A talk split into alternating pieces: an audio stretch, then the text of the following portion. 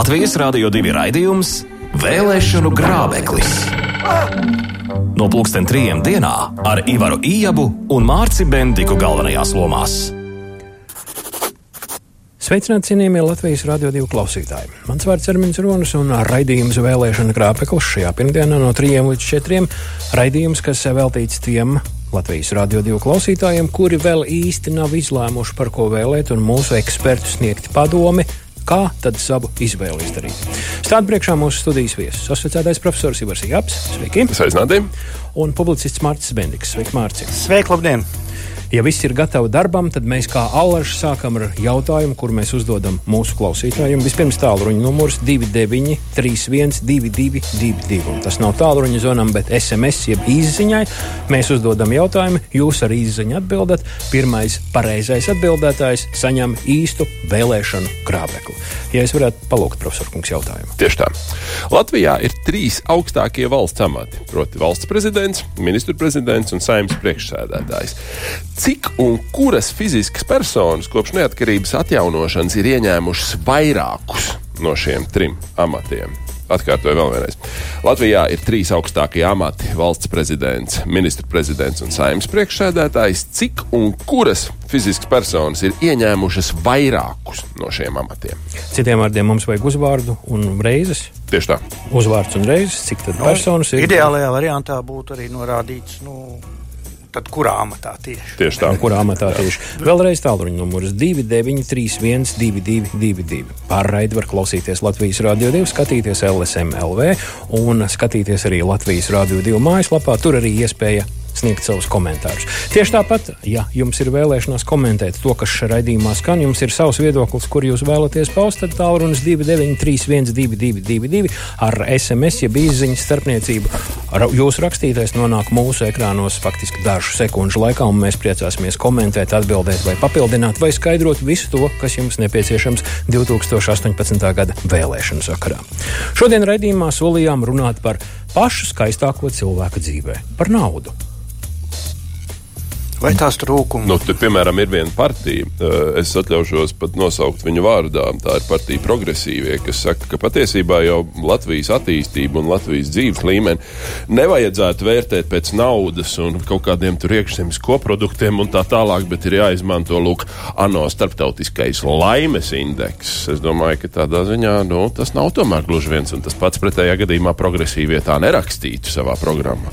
Kaut arī pati ideja neiztikt tikai ar pavisam dažiem ierastajiem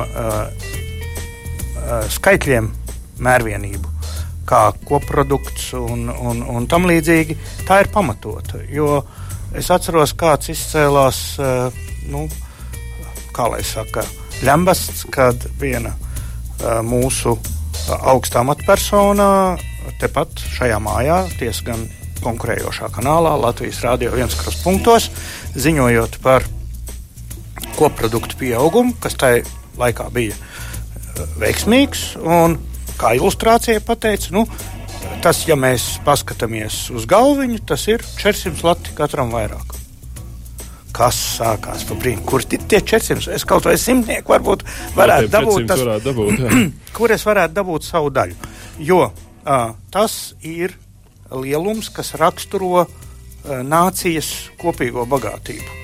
Un kā šī bagātība sadalās, un cik kurš no tā izjūt labumu, uh, ir cits, cits faktors. Un, Bet tur jau arī ir tā tas pamatu uzstādījums, ka gal galā nācijas attīstība noteikti neliecina tikai iekšzemes koprodukts, bet arī tas, kā viņš ir sadalīts. Tieši tā, tas saucamā vienlīdzība, 400, vai, vai nevis vienlīdzība, bet um, nu, Gini indeks. Tā, viņa oficiālais tā. Tā, nosaukums citādāks. Ļoti jauki, kungi, bet uh, kā tad ar to naudu vēlēšanu programmās?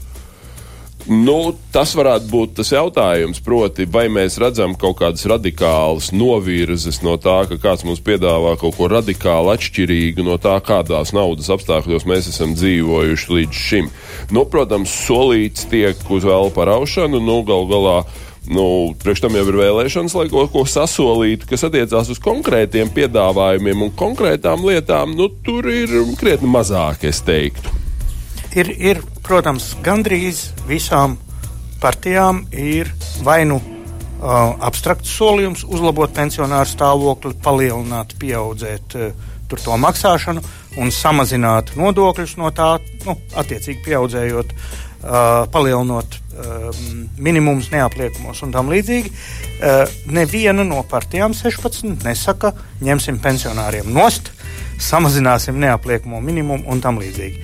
Un tas, ko es aicinātu mūsu klausītājus. Mums šonadēļ ir tāda iecerē, ka šodien mēs runājam par programmām naudas, pamatā naudas aspektā leņķī.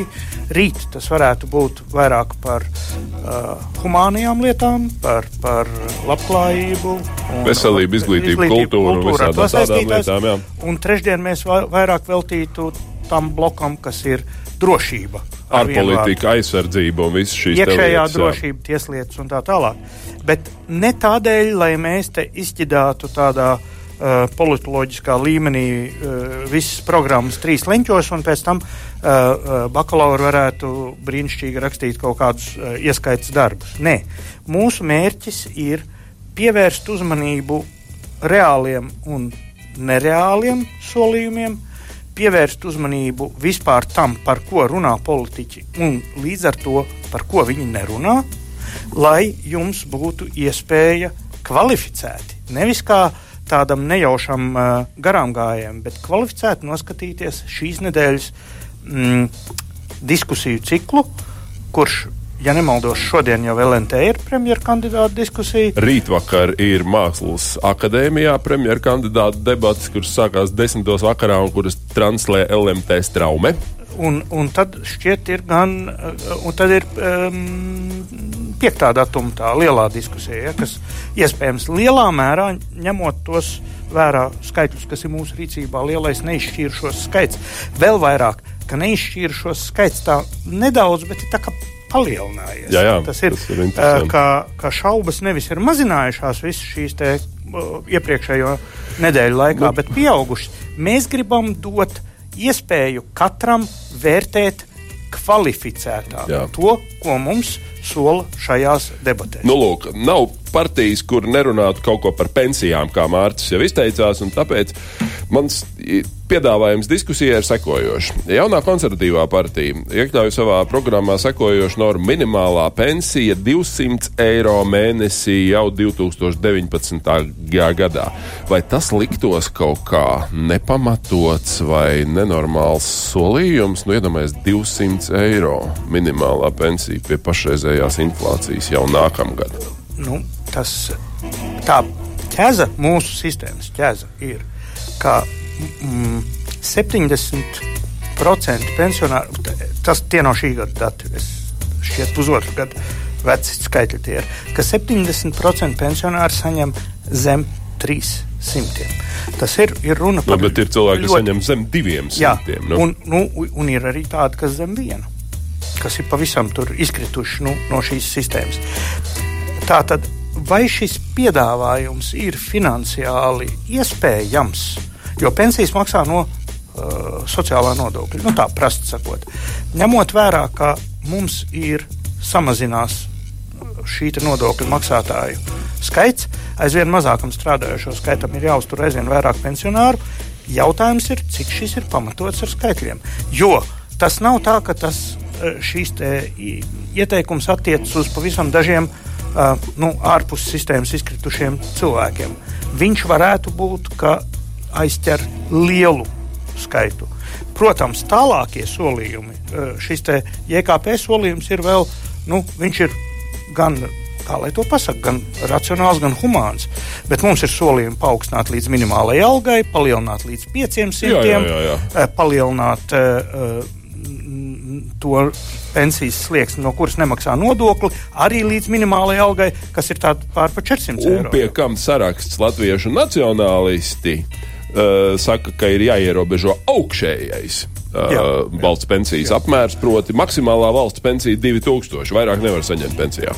Nu, jā, um, teiksim, atklāti izteiciens valsts pensija jau raksturo nu, šo autoru teiksim, dzīvošanu viegli lītiņām. Nē, nē, jā, tas starp citu ir rakstīts maksimālā valsts pensija. Valsts, tiešām, jo, jā, jā, jā. tās nav, mums visas pensijas ir. Uh, um, valsts sociālās nodrošināšanas pensijas, bet tās nav. Viņas nemaksā valsts. Mēs tas paši sev tās esam. Sociālais budžets, jā. Mēs paši sev tās esam tur samaksājuši un uzkrājuši šo te. Tas ir drusku, teiksim, arī indikatīvi, ka šis te tomēr, nu, maigi izsakoties, primitīvais piedāvājums nāk no, no autoriem, kuri nepārāk varbūt orientējas mūsu pašreizējā sistēmā. Bet tas, ka uh, pensiju kaut kāda, uh, tas, ka ir kaut kas ar šo sistēmu jādara, ir skaidrs. Es atklāti sakot, izlasījis visus šos, neesmu atradis. Protams, tur ir pilnvērtīgi tādi aicinājumi, pilnveidot, attīstīt, nodrošināt un tā tālāk. Bet kādi varētu būt konkrētie risinājumi sistēmai, kura ir drusciņš šķību uzbūvēta, kur ir diezgan netaisnīga attiecībā pret uh, tiem, kuri uh, nav bijuši sistēmā iekšā, uh, kuri nav varējuši veidot uzkrājumus lielāko savu dzīves daļu, jo uzkrājums skaitās tikai no 96. gada 1. janvāra. Viss iepriekšējais ir tikai stāsts, kas tiek pareizināts ar kaut kādu uh, koeficientu. Un šī sistēma ir ļoti nežēlīga pret tiem, kuriem ir bijusi laba alga, kuriem ir bijusi normāla dzīve līdz 95. gadam. Un tajā brīdī, kad 96. un 97. viņam nav ienākumu, visa viņa iepriekšējā dzīve pareizinās ar šo tukšumu. Šī sistēma šobrīd uzrāda ļoti lielas problēmas tajā zemo pensiju sadaļā. Kā tās izrisināt, nemainot uzkrāšanas principus, Jā, neviena nu, piedāvājuma nav. Cikot, tas neviena. īstais risinājums ir tāds, ka ir ļoti jauki un daudzas lietas ir saprātīgas un humānas jautājums, no kurienes ņemsiet naudu, jo ņemsim vērā, ka tur vēl tiek stāstīts klāt, ka mēs pirmkārt ļausim mantot, ja ne simtprocentīgi. Jā, jā, bet tur ir, man liekas, ka pat, ka tikai nav arī dažiem, ka tu, tu principā visu pensiju tiem pašiem latviešu nacionālistiem. Pensiju pārmantošana dzīves biedram pirmajā gadā 100%, turpmāk 50% visu mūžu. Tad iedomājieties, ko tas veido, no kurienes tā nauda nāk. Lielākoties ļaudis debatēs uz šādiem jautājumiem ļoti, atbild ļoti izvairīgi. Viņi stāsta, ka mēs celsim tautsēmniecības produktivitāti un mums vispār nauda plūdīs kā par ēni. Nu, kaut kā līdz šim mēs nekāds brīnums pa šito līniju neesam novērojuši, vai ne? Tautsēmniecība, ja pēkšņi arī sāks strauji mainīties, tad tā ir ļoti slikta zīme. Tā tad viens variants ir mainīties uz leju, tad mēs zinām, kāds notiek. Un ja tautsēmniecība ļoti strauji aug, tas visbiežāk nu, saistās ar ļoti nevēlamām sekām, un tur gadiem. nav par jā, jā. ko priecāties. Kā reiz teica viens mans paziņa uh, sarunā ar citu manu draugu, uh, kad tas tādā, um, nu, 80. gadu stilā teica, nu, klausies, vajag kopā uzvārīties. Nu, tāds žargons izteiciens 80. gadu. Un tas uh, paziņš man atbildēja, tu zini, es negribu uzvārīties. Es gribu būt silts. es gribu būt silts. Ja? Jo kas uzvārās, tas atdzies. Mēs to pieredzējām. Līdz ar to ļoti strauja izaugsme, pat ja tāda pēkšņi mums uzkrīt, uh, nav pats par sevi nekas labs. Tā izraisa virkni visādas bīstamas sekas. Un normāla izaugsme, tā uz ko mēs varam pretendēt, nedod pamatu nekādam šādam te ārprātīgam pensiju optimismam. Labi, kungi, mīļie, bet ko tad darīt? Partiju programmās ir solījumi paaugstināt pensijas, kā jūs paši sakāt, te jau visās. Kā uz to skatīties vēlētājiem, kuriem jāizvēlas saraksts? Es ceru, ka tas it īpaši premjerkandidātiem tiks pajautāts kā viens no svarīgākajiem jautājumiem. Un tad skatieties, kā šaudās atbildētāji atstīt. Un, un esiet uzmanīgi, tad, kad uz jautājumu, no kurienes ņemsiet naudu, cilvēki atbild ar kaut kādām neaprakstāmi skaistām, abstraktas nākotnes vīzijām, nevis ar kaut kādu konkrētu lietu. Nu, piemēram, mēs samazināsim uh, kontrabandu un korupciju uh, par 80%, un tur naudas visiem pietiks. Jā, jā un visa ēna ekonomika iznāks jā, saules gaismā jā, rīt no rīta. Jā, jā. Nu, vai pēc vēlēšanām 12. Labi, paldies, mēs esam atbildējuši uz šo. Pēc īsa brīža runājam par ēnu ekonomiku. Labāk ar grābekli savā pagalmā nekā ar bruģakmeni uz saimu. Vēlēšanu grābeklis 2018. Viena no vietām, kur ņemt naudu visam tam, kas solīts priekšvēlēšana programmās, patiesi ir ēnu ekonomikas samazināšana. Vai mums ir ko samazināt, cik daudz mēs varēsim samazināt, kā tā kritiski skatoties uz to lietu, jūs teiktu, kas notiek? Mārcis. Es pirmām kārtām gribētu atzīmēt, lai mūsu klausītāji un turpmāko debašu skatītāji un sestdienas vēlētāji ņemtu vērā visur tur, kur mums parādās skaitļi par ēnu ekonomiku un par korupcijas līmeni, tie nav objektīvi skaitļi. Neviens no tiem nenāk kā statistisks mērījums. Tātad eh, korupcijas indeks pilnā nosaukumā ir korupcijas uztveres indeks. Un savukārt ēnu ekonomikas indeks veidojas no uh, aptaujām, no novērtējuma. Viņam nav īsta.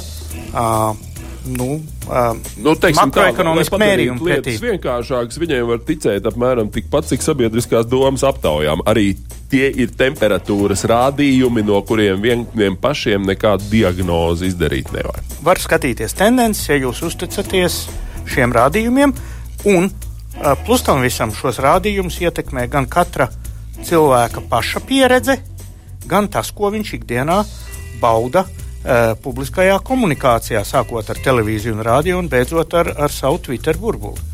Ar to ēnu ekonomiku ir tā, ka nu, viņa pēc ļoti daudziem radītājiem spriežot Latvijā nebūtu nav nekāda mazā, bet jāsaprot, ka tas abstraktais solījums apkarot ēnu ekonomiku un iekasēt vairāk un tā tālāk un tā tālāk līdz pat 35% no IKP, kā to šķiet sola attīstībai par, ļoti bieži atsitās pret pretējo, proti cilvēki negrib, lai viņus kontrolē ikdienā. Proti, viņi grib, lai valsts vairāk uh, iekasē, bet viņi paši negrib daudz lietas. Atcerieties, ka vienā brīdī bija tā doma, ka vajadzētu no uh, vide puses sākt kontrolēt tās atlaižu kartes lielveikalos. Nu, Galu galā nu, tur cilvēks ar minimālo algu tur katru dienu iepērkās pat dažām vairākiem simtiem eiro, piemēram. Nu, tajā brīdī kāds troksnis sākās.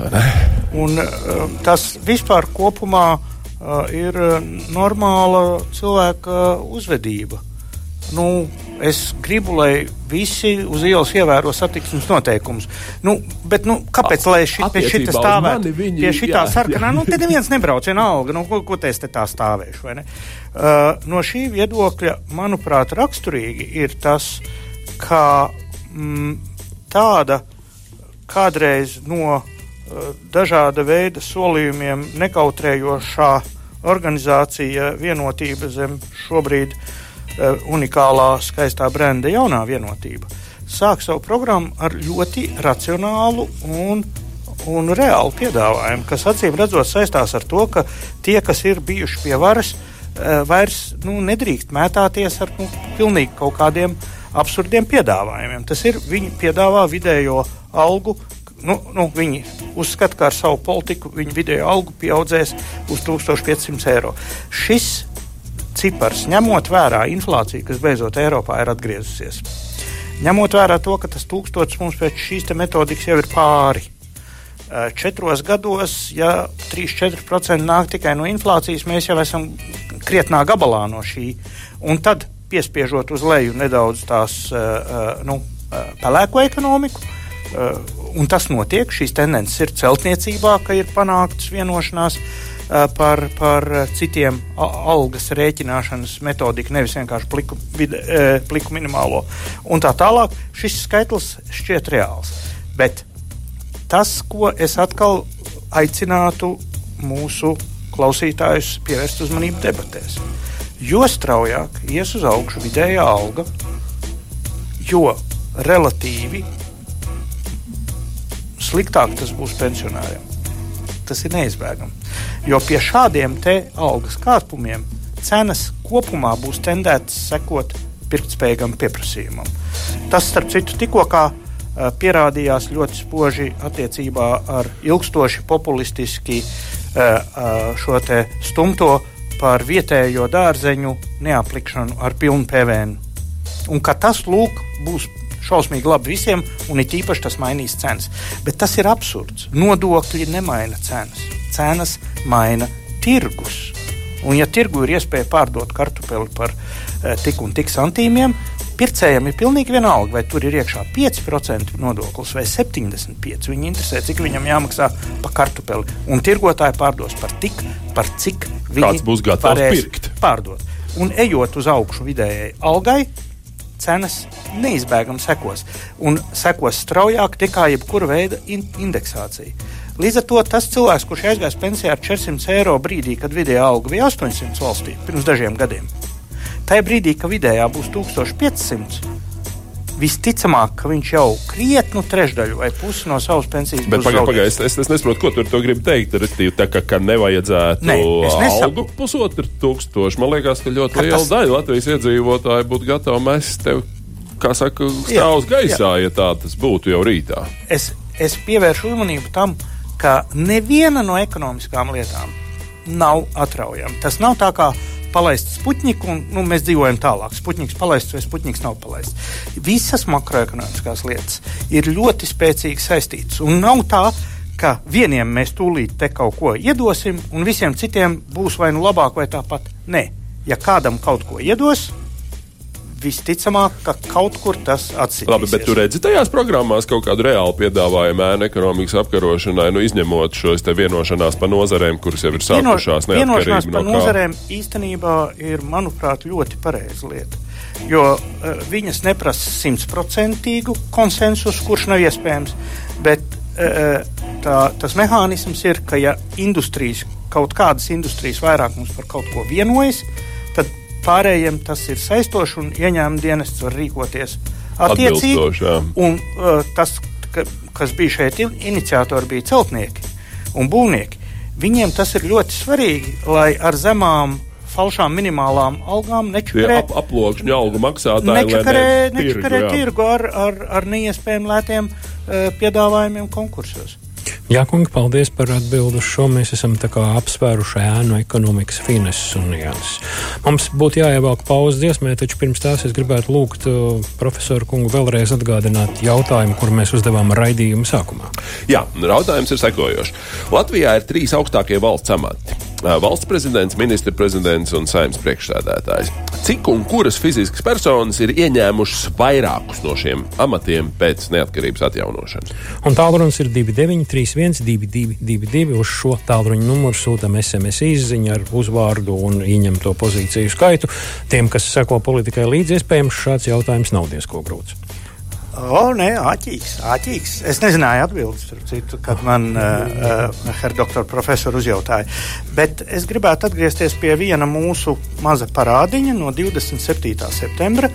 Uh, šeit mums ar šo te jauko 2931, 22 servisu ienāca jautājums, kuru mēs redzējām, bet izlikāmies, ka neredzam. Ah. Mēs, mēs jau ar no kaut ko mācāmies no tās politiskās vidas.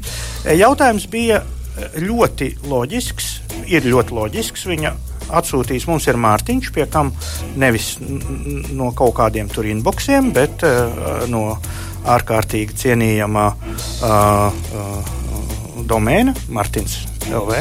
Tātad mūsu cilvēks. Ja?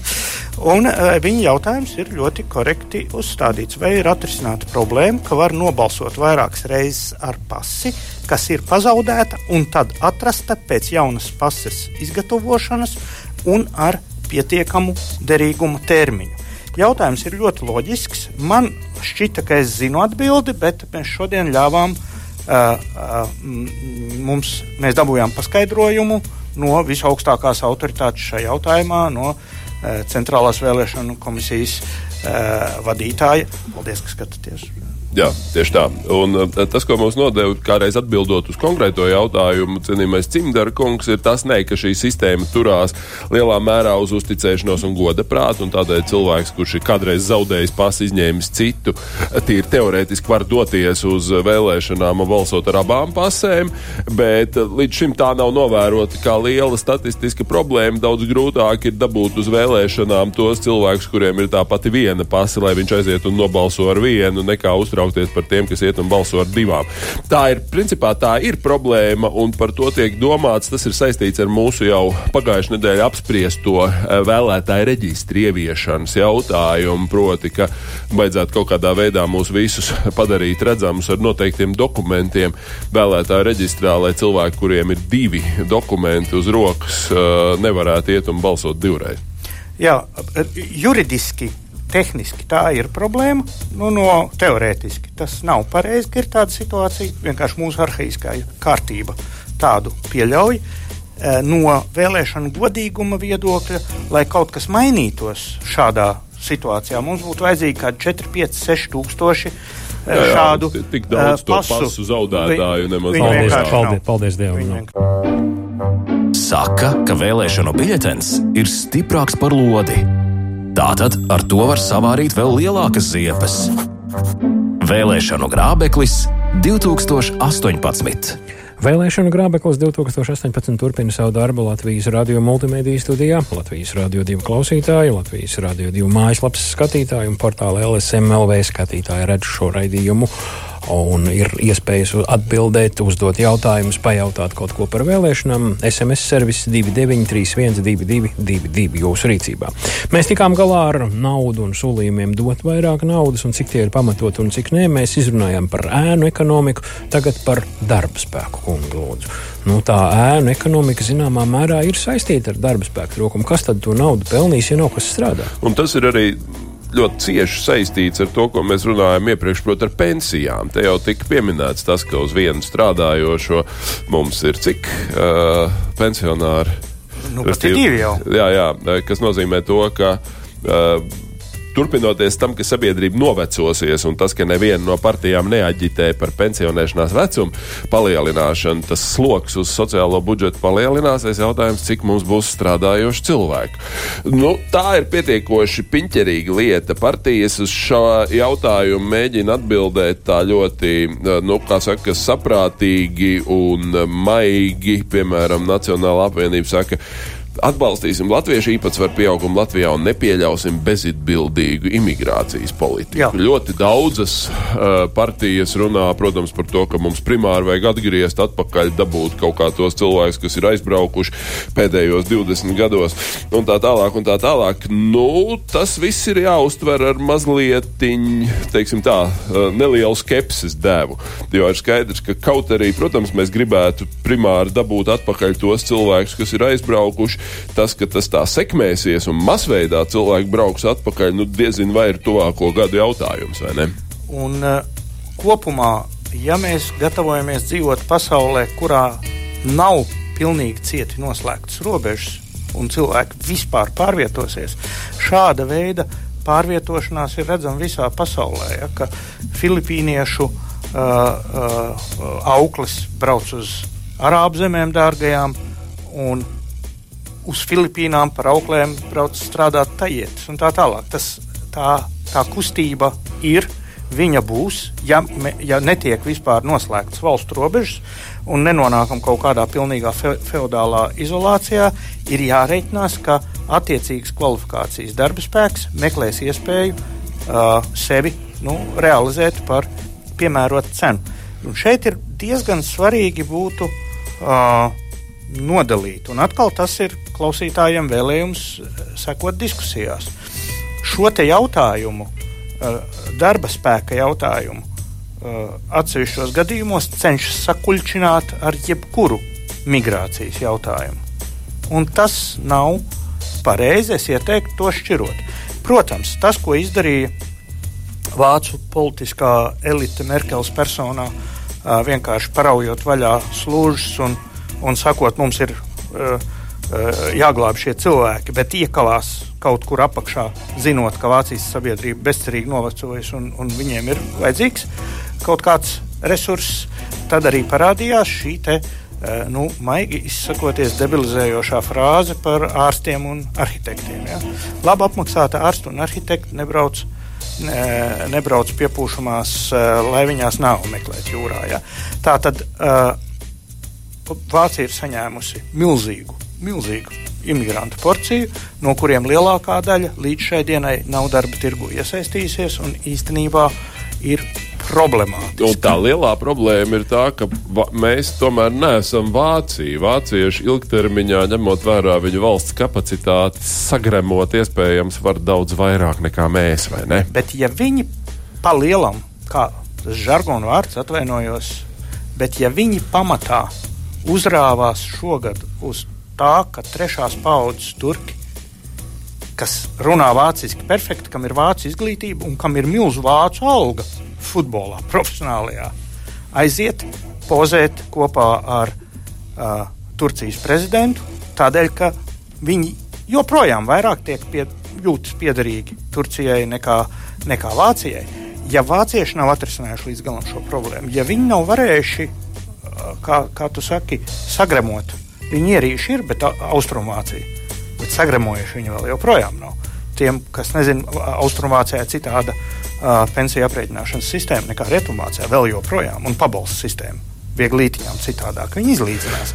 Tas nozīmē, ka mēs kaut kādu par masveida migrācijas uztveršanu šeit, Latvijā, vispār runa nevar būt. Bet neviena partija arī neko tādu nepiedāvā. Jautā, ka... bet ir ja, vajadzīgs piedāvājums kur mēs dabūsim tās kvalifikācijas cilvēkus, kurus mēs paši esam iepriekšējo gadu politikas nu, rezultātā nu, zaudējuši. Saskaņa ir tas, kas runā par to, ka faktiski augstākās izglītības eksports ir viens no veidiem, kā mēs, un, ja, teiksim tā, un Rīgā atvērta jauna IKT, respektīvi informācijas komunikācija tehnoloģija augstskola, kā tas, kas mums varētu piesaistīt uh, viestrādniekus ar baltām apaklītēm, nevis ar zilām.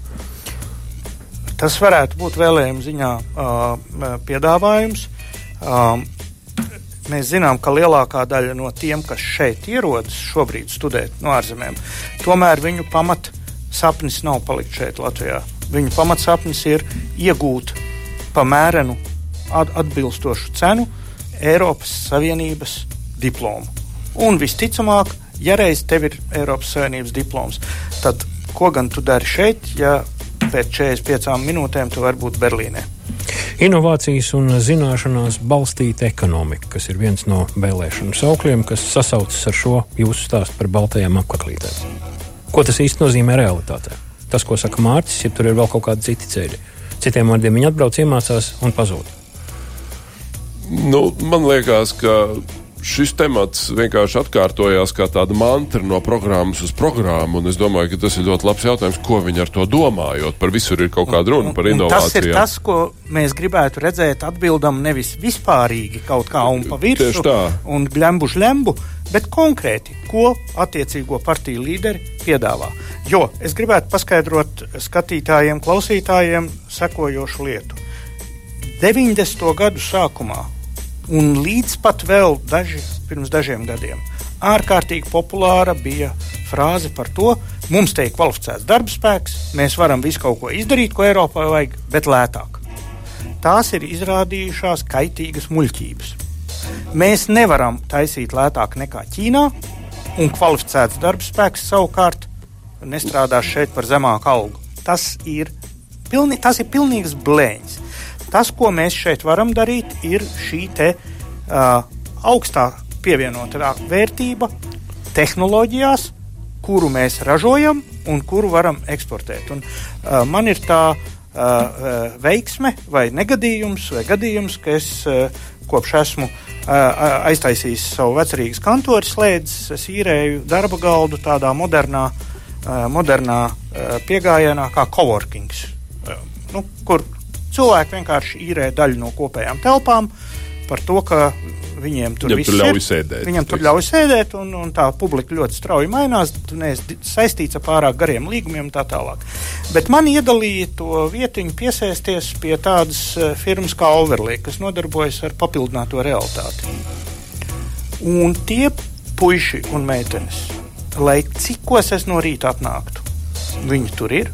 Un, lai kad es ietu prom, viņi tur vēl ir Un, ja es tur ieklīstu sestdienā, viņi tur strādā, un, ja es tur ieklīstu svētdienā, viņi arī tur strādā. Un morāli, un stāsta morāli? Viņi pelna lielu naudu. Daudz lielāku nekā es. Jo viņi taisa Eiropas klases produktu šeit, pat Rīgā. Jo šim darbam tev nav vajadzīgs ne gateris, ne mežs, ne dzelzceļš. Tev ir vajadzīgs internets, Uh, visiem tiem, kuri ir dzirdējuši, ka Latvijā viss ir slikti un viss ir tik slikti, atgādināsim, ka Latvija ir top 10, top 10 valstu sarakstā pasaulē internetu Ātrum, ātrumu un pieejamības ziņā. Uh, vecajai Eiropai vispār sapņos nerādās tā kvalitāte un pieejamība, kas mums šeit ir. Un tas ir tas, kas šiem cilvēkiem ir vajadzīgs. Puslīdz prognozējums nodokļu režīms, relatīva brīvība, ka, ka ir uzņēmēji, kas viņiem nodrošina šo vietu, kur apsēsties, kur padzert kafiju un, un, un kur uztaisīt sapulcīti, un viņiem ir zibenīgi ātruma internets, ar ko viņi vienkārši izdara visu, ko vajag. Un tad parādās tās priekšrocības, par ko te aģitē citi, ka mums ir zaļa vide, ka mums, nu, var- tu vari iekāpt vilcienā un būt kalngalē pēc 20 minūtēm un tā tālāk. Ok, eh, tas ir absolūti skaidri un pievilcīgi. Cits jautājums ir par to, ka uh, tikai nedaudzas partiju programmas nopietni skar Latvijai neapšaubāmi svarīgo zinātnes finansējumu jautājumu, kurš ir nevis pēc atvainojos pat dažiem procentiem, bet pa kārtu vairākas reizes zemāks nekā Latvijai vajadzētu pēc jebkādiem Eiropas Savienības standartiem. Un tad ir jautājums, nu, vai zinātne vispār tiek saskatīts kā nevis vienkārši kā tāda smuka lieta, ko noliek plauktā un uz kuru ir jauki skatīties, bet gan kā kaut kāds tāds, nu, um, inovāciju dzenulis, kas varētu dzīt uz priekšu ekonomiku tajā virzienā, par kur tu runā. Es, es ceru, ka tā apziņa pēkšņi vispār nu, pakāpeniski ir izgājusi nu, cauri, ka uh, pietiek ražot. Uh, Jā, man pilnīgi nērti šajā brīdī. Pietiek ražot visādus runātājus. vajadzētu, vajadzētu sākt ražot arī tādus, kas māca skaitīt un rēķināt. Ja?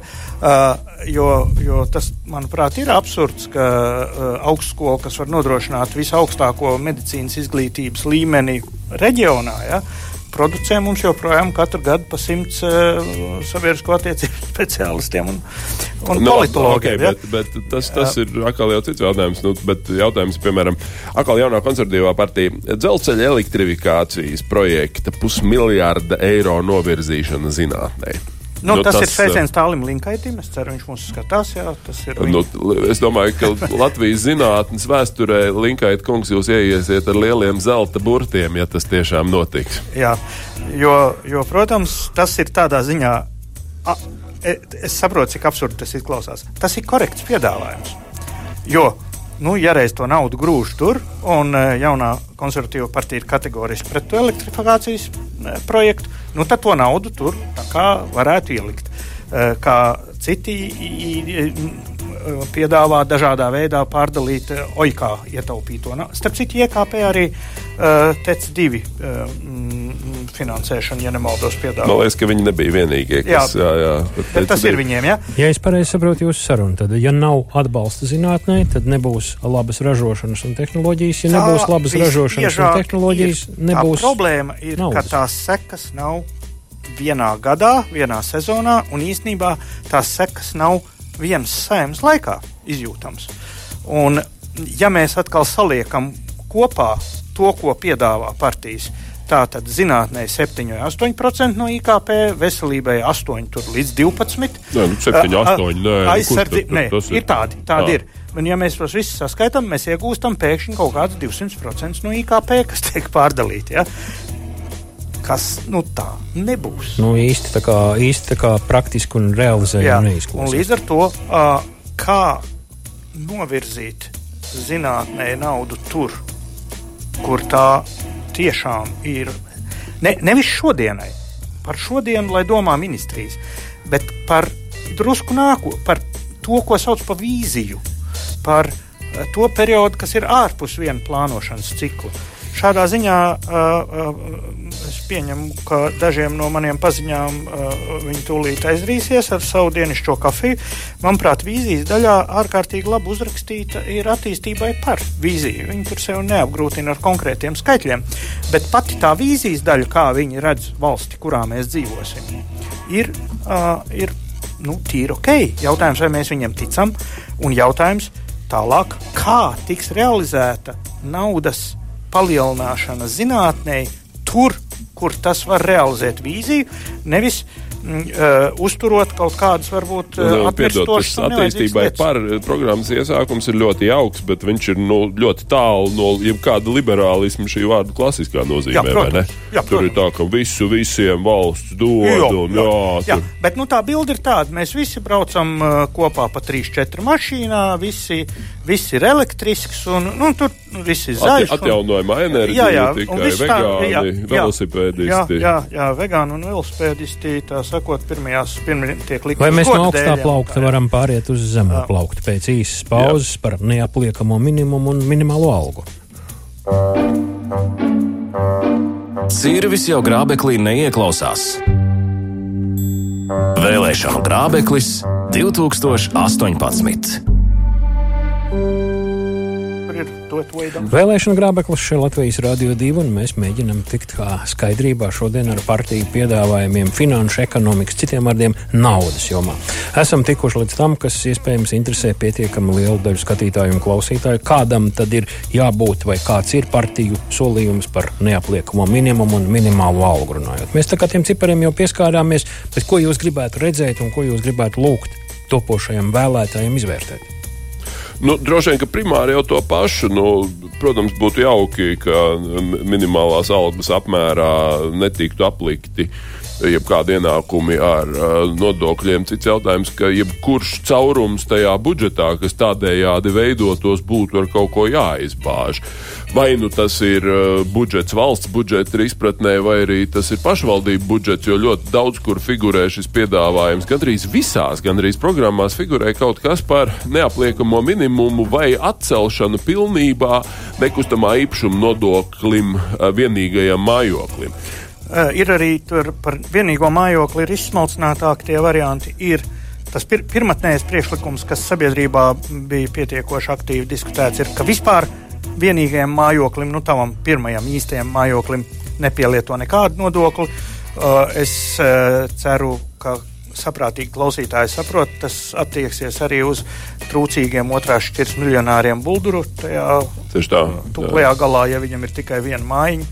Tad viņš nu, tur uz, uz nieku četriem miljoniem eiro. Jā, tāda, jā. Arī uz viņu tas attieksies. Tādā ziņā uh, vairākām partijām ir piedāvājums uh, izvērtēt to, cik lielā summā, piemēram, uh, tam tai pašai uh, attīstībai, par ko mēs te lokam, ja nemaldos, ir 40 tūkstoši. Tas, nu, kā pirmos 40 tūkstošus no tavu kadastra neapliek un tā.